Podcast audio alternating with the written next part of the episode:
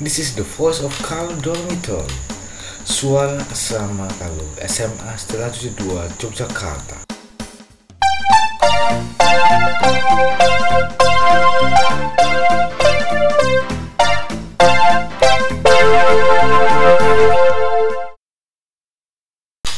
Salam Talakanita Satu hati, satu semangat Talakanita Yes Salam jumpa kembali dengan saya Pak Benny dalam podcast Voice of Color Dormitory pada episode yang ke-6 Nah pada episode kali ini saya akan jelaskan kepada teman-teman mengenai beberapa hal. Yang pertama yaitu bagaimana kita caranya mencapai sukses di masa pandemi ini.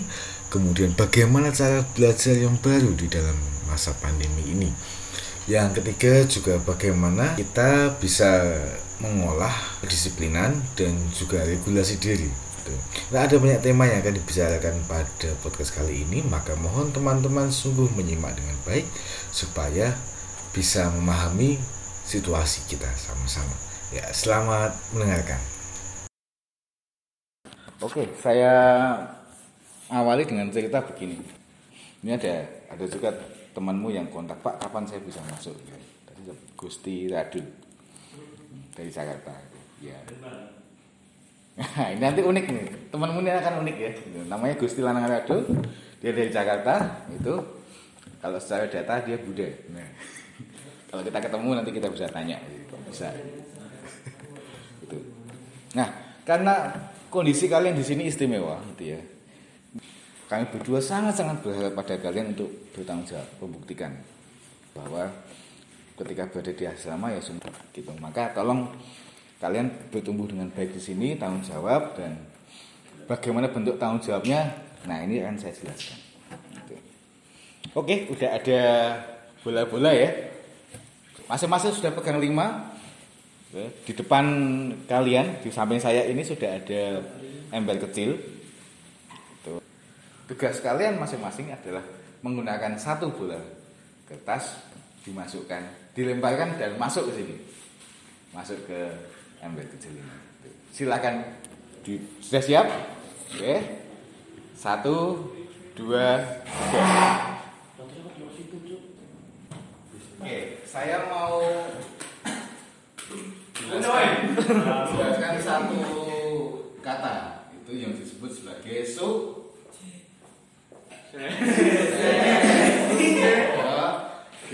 kalau main gini ini sukses tuh ya kalau masuk gitu. Itu. Dan ketika kalian melemparkan bola itu namanya usaha. Makin bisa enggak ya. Nah, posisi duduk kalian itu ada istilah lain namanya privilege. Ada yang mungkin pernah dengar? Sukses itu nggak cuma butuh usaha doang ya nggak cuma butuh modal doang bola kalian itu modal ya tapi nggak cuma modal dan usaha. Sorry itu nggak nggak berlaku ya. Harus ada privilege. Itu butuh nah privilege itu apa sih? Privilege itu adalah sesuatu yang kalian secara istimewa punya dan orang lain nggak punya. Dan biasanya itu berkaitan dengan kekuasaan atau kekayaan atau posisi. Itu. Nah Aldi bisa masuk. Karena apa? Posisi di depan gampang. Privilege-nya posisinya bagus. Lilo bisa masuk ya, ya bisa-bisa aja ini. Cuma kenapa nanti kamu mundur? Ya biar level aja gitu. Ya. Padahal padahal kamu di situ pun lebih bisa lebih gampang loh kamu tinggal itu. Tapi kamu mundur nggak apa-apa. Nah, posisi duduk itu privilege. Kenapa Sandu susah? Ya karena dia di belakang. Jauh tuh. Kalau duit bisa, itu karena dia punya usaha usaha yang bagus ada juga namanya luck ya persoalannya adalah kita semua itu jarang nyadarin yang namanya privilege. Privilege. Privilege itu kalau kalian misalnya bapakmu pejabat atau bapakmu punya duit banyak atau mungkin keluargamu adalah keluarga yang sangat kaya atau punya posisi lah di di adat itu ya itu privilege. Itu. Nah tidak semua orang punya itu maka kalau kalian mau jadi sukses itu jangan lihat tokoh-tokoh yang udah sukses bangsa sebangsa apa Nadim yang punya Gojek. Nadim itu tahu bapaknya siapa? Tahu nggak? Dia anak siapa? Nggak tahu. Bapaknya Nadim itu namanya adalah Makarim. Nama band Anwar. Siapa Anwar Makarim? Dia adalah pengacara paling hebat. Tahu Hotman Paris? Tahu, tahu. Ini gurunya. Gurunya Hotman Paris. Itu gurunya Hotman Paris. Dan sangat hebat. Dia lulusan Harvard. Gitu. Di tahun-tahun zaman Orde Baru dia sudah jebolan Harvard dan hukum lagi. Gitu. Maka kalau kemudian Nadim sekolah di School of Business Harvard itu ya biasa lah gitu ya biasa banget tuh ya dia sukses ya iyalah dia anak siapa gitu ya bahkan dengan mudah dia mau jadi pengacara pun sangat bisa sih si Nadim mau jadi pengacara sekelas Hotman bisa banget gitu. tapi dia memilih jalur usaha eh, bagian IT dan dia berhasil. Ya wajar aja itu. Kalau kalian belajar dari situ susah itu ya.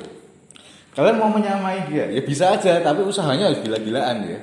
Sama dengan gini kalau kalau katakanlah ini kekayaan yang beri kekayaan Nadim itu tinggal duduk ini gampang Sandro atau Jaso ya harus usahanya gila-gilaan untuk bisa melempar itu itu. Itu namanya privilege itu. Nah menyadari bahwa kalian semua itu saya pikir hampir semua ya tidak punya privilege kekayaan yang luar biasa maka untuk jadi sukses itu usahanya harus gila-gilaan. Itu. Anaknya Jokowi soalnya anaknya Jokowi jualan apa? Pisang. pisang gitu. mungkin sepele ya. Tapi dia sukses. Ya iyalah bapaknya siapa dia meskipun dia mengatakan bahwa oh, ini nggak dibantu bapakku deh nggak mungkin pasti yang diingat adalah ini anaknya Jokowi. Yang diingat itu bukan soal makanan pisang en enak atau enggak dia. Mungkin bagi orang Jawa sang pisang itu enak dia. Tapi bagi orang Papua yang nggak terlalu suka manis mungkin enak dia. Kan kayak gitu. Nah kita nggak bisa mencontoh dari itu. Karena kita nggak punya privilege yang cukup itu Maka ya ayo kita berusaha dengan gila-gilaan untuk bisa survive Di zaman kalian besok. Gitu. Nyambung juga dengan kondisi kita Kita semua tahu lah ini, ini pandemi Dan bahkan nanti MPLS pun juga temanya isinya itu juga ya Itu di semua sekolah juga mendalami hal yang sama tentang new normal, kehidupan yang baru gitu ya. Nah, yang perlu kalian tahu yang namanya new normal itu nggak cuma soal urusan cuci tangan dan pakai masker bukan itu gitu ya nggak cuma soal jaga jarak gitu. tapi ada hal-hal yang sungguh berubah dalam hidup kita apa contohnya belajar gitu. dulu kalian ketika SMP ikut bisa ikut bimbel ya terutama yang dari kota-kota besar bisa ikut bimbel bersama-sama itu sekarang nggak bisa itu bimbel nggak bisa beroperasi dengan normal gitu. Mau les privat aja harus pakai APD, pakai face shield kalau bisa meja itu dibagi dua dikasih kaca. Gitu. Sekolah di Sukabumi udah siap dengan dengan pembelajaran tatap muka, setiap meja ada ada plastiknya tutup. Gitu. Ya itu teknis ya, tetapi ada hal-hal yang mungkin nggak bisa difasilitasi dalam online. Contoh, Dulu kalian mau cari cewek gampang. Di kelas lihat, oh cantik, oh dia baik, oh dia manis. Dicek punya cowok atau enggak. Kalau enggak punya PDKT, set jadi. Sekarang temanmu di kelas itu semua hanya muncul nama di WA. Kalian kalian mau ngecek dia punya cowok atau enggak susah tuh. Mau lihat IG, IG-nya di lock. Tuh. Mau follow belum belum di approve gitu ya. Semua basisnya adalah online. Bayangkan gimana gitu bisa PDKT. gitu. Semakin susah kan itu. Karena nggak ketemu gitu. Dan namanya afeksi atau hati kan nggak bisa ketemu. Itu. Yang kedua sekolah misalnya. Tahun lalu kalian di sekolah ketemu dengan guru itu bisa tahu oh gurunya ini galak gitu. Gurunya ini nyebelin kalau ngajar gitu karena raut mukanya kayak gitu terus kemudian gaya masuk kelas kayak gitu kalau nulis itu nggak jelas gitu itu komen-komen dulu sekarang nggak bisa semua guru bisa pakai PPT kemudian kalian nggak bisa bedakan guru itu dia asik atau enggak itu ya. Semua sama kok di depan laptop semua bisa. Yang tadinya asik bisa nyebelin di depan laptop ya gitu. yang tadinya nyebelin bisa juga tampak asik ketika di depan laptop. Semua semua akhirnya jadi kayak apa ya hampir nggak ada rasa itu. Kayak makan sayur tapi nggak ada garamnya itu. Ya ada ada wortelnya ada sosisnya tapi nggak ada rasa apa apa gitu. Itu yang terjadi itu nah bagaimana kita bisa tetap mendapatkan rasa itu ya. Kita dulu punya kebiasaan refleksi. Itu dilanjutkan refleksi tiap hari. Kenapa? Karena itu yang mengasah perasaan dan hati. Di situ kemudian kita akan diakui perasaan kita. Seneng susah takut malas sebel itu semua bisa diakui. Gitu. nah ada perasaan yang nggak bisa di bisa dituangkan kalau kita tidak mengolah dari sekarang. Maka kita akan bangun kebiasaan refleksi nah gimana caranya? Kalau dulu kan pakai itu ya stop up ya. Nah besok kita akan pakai buku. Buku agenda buku diary masing-masing ada yang sudah punya? Belum? Kalau belum nanti saya saya belikan atau Pak Dias belikan tapi tetap tagihan ke kalian. Ya iyalah nah aja. Itu nanti teman-teman di rumah juga kalau bisa punya buku diary oke. Okay. kalau enggak ya nanti saya siapkan Google Form. Yang itu tetap rahasia ya fungsinya adalah untuk melatih emosi untuk ngecek ini tiap orang tuh punya emosi nggak sih tiap hari kalau nggak punya bahaya juga ini kalau dikatakan ah hari ini biasa aja aneh loh Tuh. Masuk ya main basket terus masukin bola terus ya biasa aja gitu ya. Kayaknya enggak deh, pasti ya yes minimal. Ya, itu kan juga perasaan, itu harus diakui. Gitu. Maka refleksi akan dilanjutkan gitu. Gitu. Dan tentu saja akan kami cek, saya dan Pak Des akan ngecek. Bukan soal benar salah ya, sorry, bukan soal refleksinya benar salah, tapi saya cek. Ada nggak sih perasaan yang muncul? Kalau belum ada, berarti belum belum bagus tanda-tanda bahwa refleksi bagus itu ya muncul perasaan itu dan perasaannya nggak cuma yang gitu-gitu aja seneng pak ya, ya senengnya kenapa gitu ya gitu atau yang bagus tuh misalnya gini wah aku kesel banget ya tadi PJJ ngezoom gagal-gagal masuk terus pak waktunya tinggal 5 menit. Ya. misalnya gitu ya, misalnya. Atau aku coba ngupload ngupload tugas tapi nggak masuk-masuk gitu ya. Tuh. Terus mau kontak guru tapi kok cuma centang satu ya kan ada kesel itu ya. Nah itu juga bisa dituangkan. Kalau nggak gitu kalian jadi nggak apa ya nggak tumbuh lah perasaannya itu ya. Itu, maka itu harus di, dilatih nah kalau teman-teman di asrama ya jelas nanti akan saya cek. Dan Pak Des akan cek juga gantian nanti. Kalau teman-teman di luar juga tetap kami cek dengan Google Form. Itu nanti kalau mereka sudah masuk nah tinggal melanjutkan aja dengan tulisan sama dengan kalian. Harapannya selama hidup itu kalian tetap punya catatan catatan perjalanan. Itu penting. Itu. Kemudian nah sekali lagi itu bukan soal tadi bukan soal sekadar pakai masker cuci tangan dan jaga jarak bukan cuma itu gitu. tetapi ada hal-hal yang kita harus beradaptasi ulang itu maka kuncinya kita bisa survive semuanya bisa survive itu adalah kalau bisa adaptasi bisa menyesuaikan dengan keadaan. Itu.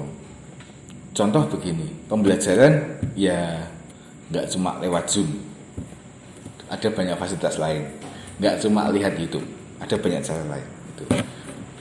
Nah, kuncinya adaptasi itu adalah kita masing-masing itu nggak ngeyel, nggak ngotot, gitu, nggak keras kepala. Karena harus adaptasi. Kalau nggak gitu, habis kita. Kalau kita masih pakai pola yang lama, itu kita habis. Terus kemudian pembelajaran kalau kalau dulu selalu diingatkan gitu ya. Ayo kumpulkan tugas. Itu. Nah, pada semester ini itu nang namanya peringatan atau diingatkan itu mulai sedikit. Itu. Lo guru juga capek loh ya mengajar online itu capek loh ya. Jangan disangka enak loh ya. Menyiapkan itu juga capek loh. Kalau dulu mungkin guru mengajar di kelas, oke okay, selesai, balik pulang ke rumah dia slow sekarang balik ke rumah harus buka lagi Google Form ngecek gitu satu-satu kalau dulu yang namanya mengumpulkan tugas itu ya jam sekolah gitu ya sekarang mengumpulkan tugas paling lambat jam 10 malam, bayangkan 10 malam ngecek ya terus jam 1 baru bubuk nanti. Gitu. Kalau besoknya dia harus mengajar itu. Kan kasihan kalau kita tidak membantu. Maka caranya membantu adalah kalau ada tugas segera kita selesaikan. Lalu kita laporkan, Bu, Pak, saya sudah kumpulkan. Tolong dicek sudah masuk atau belum. Kalau sudah masuk, oke, okay, kita tenang. Tuh, tapi kalau belum, meskipun kita sudah merasa mengupload, kita upload ulang. Gitu. Jangan sampai kemudian karena asumsinya kita sudah mengumpulkan lalu beres. Itu belum tentu. Itu itu juga kebiasaan yang baru. Presensi. Gimana caranya? Udah beda kayaknya ya. Gimana? Pakai apa? Excel ya. Oke, masing-masing HP di install Google Spreadsheet. Google Spreadsheet supaya bisa membuka itu.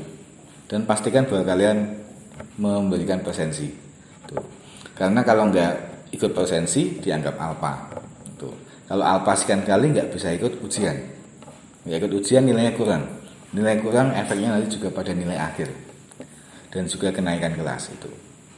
Jadi nggak ada alasan bahwa wah saya lupa absen ya. Nggak ada alasan lupa ya. Lupa itu nggak diterima. Tapi alasannya wah saya sakit ya sampai tangan saya nggak bisa ngeklik gitu. Oke lah. Tapi kalau sakitnya wah saya sakit flu gitu ya. Nah, flu-nya ya katakanlah pilek gitu ya. Tapi kan tangan masih bisa presensi, sudah presensi. Itu. Maka kalau kita tidak ikut kegiatan pembelajaran online itu ya kita harus memberitahukan pada guru itu penting meskipun ini di asrama ya asrama hanya sekian meter dari sekolah tetapi soal begini tanggung jawab pribadi itu ya saya hanya bisa mengingatkan tapi kan nggak bisa ngecek di semua kelas karena saya nggak masuk di kelas kalian. Itu saya hanya bisa dapat laporan dari wali kelas misalnya. Pak Beni ini anak asrama kok belum? Absen kayak semester lalu kan banyak gitu. Ya kan jadi aneh. Masuk anak asrama di asrama lagi. Masuk bisa alpa itu kan aneh. Tuh. tapi kalau misalnya anak asrama yang tinggal di rumah itu ya sudah tanggung jawab orang tua gitu. itu tanggung jawab masing-masing. Kami hanya bisa mengingatkan dari jauh presensi penting ya itu soal kehadiran lalu juga adaptasi itu soal bagaimana kita bisa mengendalikan diri. Nah ada istilah asing namanya self kalian self regulated learning self regulated learning itu self regulated learning ada yang tahu? Dari, dari tiga kata ini mana yang sudah diketahui? Learning itu apa? Belajar. Terus ada lagi? Self itu apa? Diri. Oke. Regulated ada yang tahu? Kata lainnya yang mungkin dekat dengan itu apa? Regulate atau regulasi atau regulation. Apa artinya? Regulated atau regulasi itu artinya adalah atur nah bisa peraturan bisa meng mengatur mengatur SLR. Ini sangat dibutuhkan ketika pembelajaran di zaman COVID ini, gitu ya. Self regulated learning. Biasanya SLR ini dimiliki oleh kakak-kakak kalian yang kuliah. Gitu. Tapi sekarang semakin dibutuhkan sampai pada anak yang SD. Semakin turun, semakin turun lagi ke SD. Ah, SMA apalagi. Apa sih maksudnya tiga kata ini? Ini maksudnya adalah bahwa kita masing-masing itu punya kemampuan untuk mengatur diri dalam hal pembelajaran. Maka kata kuncinya ya mandiri, tanggung jawab, itu tahu diri lah namanya. Tahu diri tugasnya apa, kemudian soal waktunya gimana. Jadi nggak ada lagi yang namanya dikit-dikit diingatkan. Ini kuncinya untuk bisa berhasil dalam belajar online ini. Nggak ada itu, selesai. Nggak ada gunanya kita download tugas, nggak ada gunanya. Karena tugas-tugas itu nggak akan jalan kalau nggak nggak kita kerjakan. Dan kita mengerjakan juga butuh self regulated learning. Tuh. Nah harapan saya anak-anak asrama punya itu. Kita sudah punya jamnya. Teman-teman sudah ngecek semua jamnya. Ada sedikit yang berubah ya dibandingkan tahun lalu. Yang jam belajar kalian PJJ itu kan sampai jam 12 ya. Kalau Senin kelas 10 sampai jam 2 kalau nggak salah. Setengah dua, sorry. setengah dua, setengah, dua lah, gitu. Karena yang kelas 11 itu 3 jam pelajaran, kelas 10 khusus hari Senin itu 4 jam pelajaran. Itu. Nah kan capek kalau kalau kita nggak nggak ngatur gitu. Saya yakin kalau teman-teman tidak punya regulasi diri yang bagus itu nanti pada bulan ketiga cuma absen doang. Itu habis itu udah ngapain gitu. Entah tidur entah ngapain gitu. Kalau nggak punya pengaturan diri yang bagus, maka butuh konsistensi, butuh disiplin di situ. Kayak lagi namanya online itu selama berjam-jam capek loh ya. Apalagi kalau kita nggak suka. Apalagi kalau nggak suka. Kalau ngegame lain ya karena kita suka ya. Tapi kalau nggak suka itu berat. Itu berat. Bahkan kalau ngegame pun kalau kita suka tetap aja punggung itu bisa pegel ya. Tangan itu bisa kaku ya.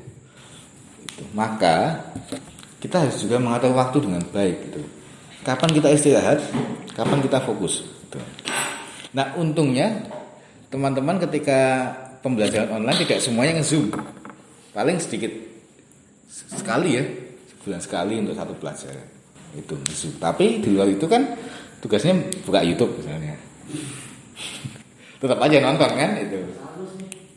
Terus kalau enggak ya menulis di kertas lalu difoto, diupload. Itu juga pekerjaan tangan tuh. Atau mungkin membaca buku, baca artikel secara mandiri. Itu juga lihat kan tangannya juga diem ini. Maka itu butuh diatur supaya kalian nggak sakit. Setelah jam jam pembelajaran pertama kalau ada jeda begitu usahakan kalian istirahat dalam arti bukan bubuk tapi jalan-jalan keliling. Lihat-lihat hijau-hijau keliling itu. Supaya tangannya kakinya itu nggak pegel lalu nanti sudah mulai masuk lagi bisa pegang. Itu. Lalu juga posisi Gitu nggak ada lagi namanya belajar di ruang tidur atau di toilet. Gitu ya. yang namanya belajar itu ya di tempat yang bagus ya. Bagus dalam arti meja. Tuh layak lah ya. Itu kenapa? Karena posisi itu menentukan pikiran. Tuh. saya kasih contoh. Uh, kalau kalian lagi ditelepon orang tua misalnya lagi ngomong serius aja terus kalian di toilet Kira-kira gimana rasanya itu ya? Rasanya gimana ya? Kan ngaco kan, pasti kacau di sini kan. Satu sisi konsentrasi di bawah, satu sisi konsentrasi di kepala dia. Kan kacau. Maka ketika ngomongkan hal-hal yang serius pasti kalian akan cari tempat yang betul-betul itu nyaman, entah duduk atau mungkin sembunyi di mana yang itu tenang. Kan gitu. Sama juga dengan belajar. Itu. Maka cari posisi yang enak. Untung di sini semakin luas tempatnya.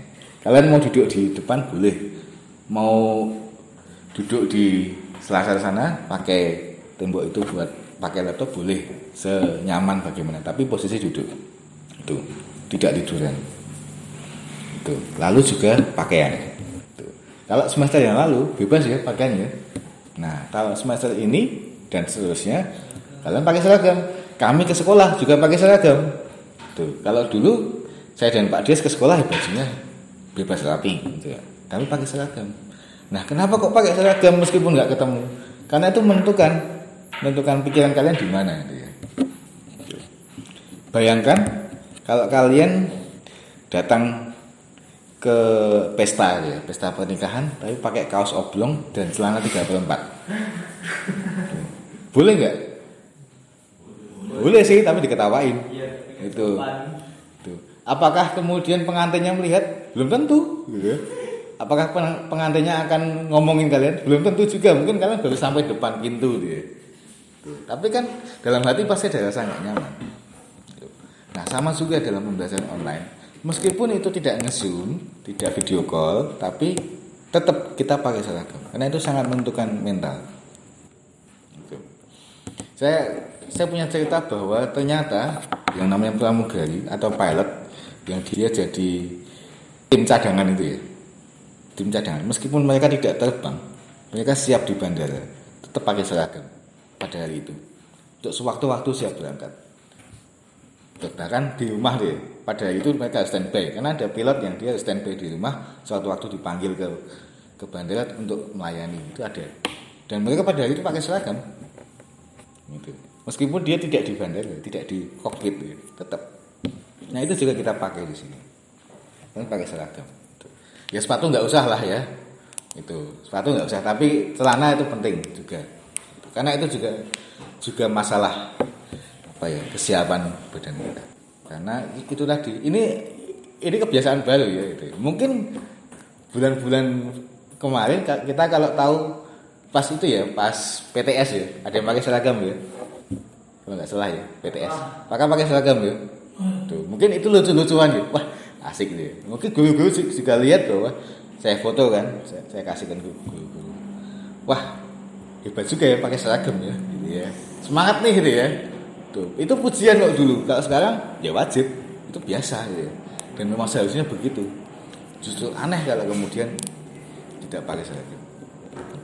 Saya saya punya banyak cerita bahwa ada kakak-kakak kalian yang kuliah itu ya ketika PJJ gitu, ya mereka di kos tiduran ya ikut ikut zoom dengan dosen tapi pikiran nggak nyambung kenapa bangun pagi jam 8 kemudian ikut zoom ya udah ikut tapi nggak nggak, nangkep apa apa ya itu rugi sih karena sudah bayar kuliah bayar sekolah tapi nggak dapat apa apa itu rugi banget gitu. Nah bagaimana teman-teman di rumah yang nggak nggak punya seragam itu urusan lain, gampang itu. itu teknis saja gitu ya, gampang nanti. Itu. Tetapi penting. Maka untuk seragam itu meskipun mungkin kita nggak ada aktivitas fisik ya sini, jadi keringatan keringat mungkin sedikit ya. Tapi ya tetaplah dicuci. Ya. Nah kemudian masker juga. Sebenarnya kalian masing-masing punya masker kain sendiri. Itu karena kita ingin mengurangi sampah medis gitu ya. Cukup bahaya loh ya kalau kemudian kita seenaknya buang masker yang yang medis. Itu cukup berisiko karena nggak tahu yang sakit yang mana kan nggak tahu. Tapi kalau kita pakai yang non medis yang kain biasa itu ya dua lapis lah ya. Itu kita kita bisa rawat. Dan jangan diletakkan sembarangan karena itu bahaya. Ingat, di zaman adaptasi kebiasaan, kebiasaan baru itu yang namanya masker itu sungguh-sungguh jadi barang penting kayak celana dalam. Jadi nggak bisa di- di- diletakkan sembarangan. Ada tempat-tempat tertentu. Kenapa? Karena kita nggak tahu yang sakit siapa, gitu ya. Kalau misalnya ada masker di sini, belum tentu ini sehat. Kalau nggak sehat kemudian dipegang, kena juga nanti. Nah, gitu. Maka harus hati-hati. Sungguh hati-hati dan penggunaannya ya pribadi. Tuh. Maka kalau ada yang mau titip masker boleh nanti kita carikan. Tapi jangan pakai yang scuba ya. Nggak guna ini. Itu yang satu lapis yang yang ada wajah apa itu. Itu sih bagus ya, tapi nggak guna karena satu lapis doang gitu ya. Itu ya dua lapis lah. Itu yang enak. Itu. Oke, sementara itu nanti saya lanjutkan setelah jam makan malam. Demikian untuk podcast episode yang ke-6 ini. Apabila teman-teman ingin mendiskusikan lebih jauh mengenai gagasan-gagasan ini, boleh silakan langsung japri atau chat WA pada kami dengan senang hati tentu akan kami ajak untuk diskusi lebih dalam. Sampai jumpa pada episode berikutnya dan salam semangat tetap gembira dalam belajar.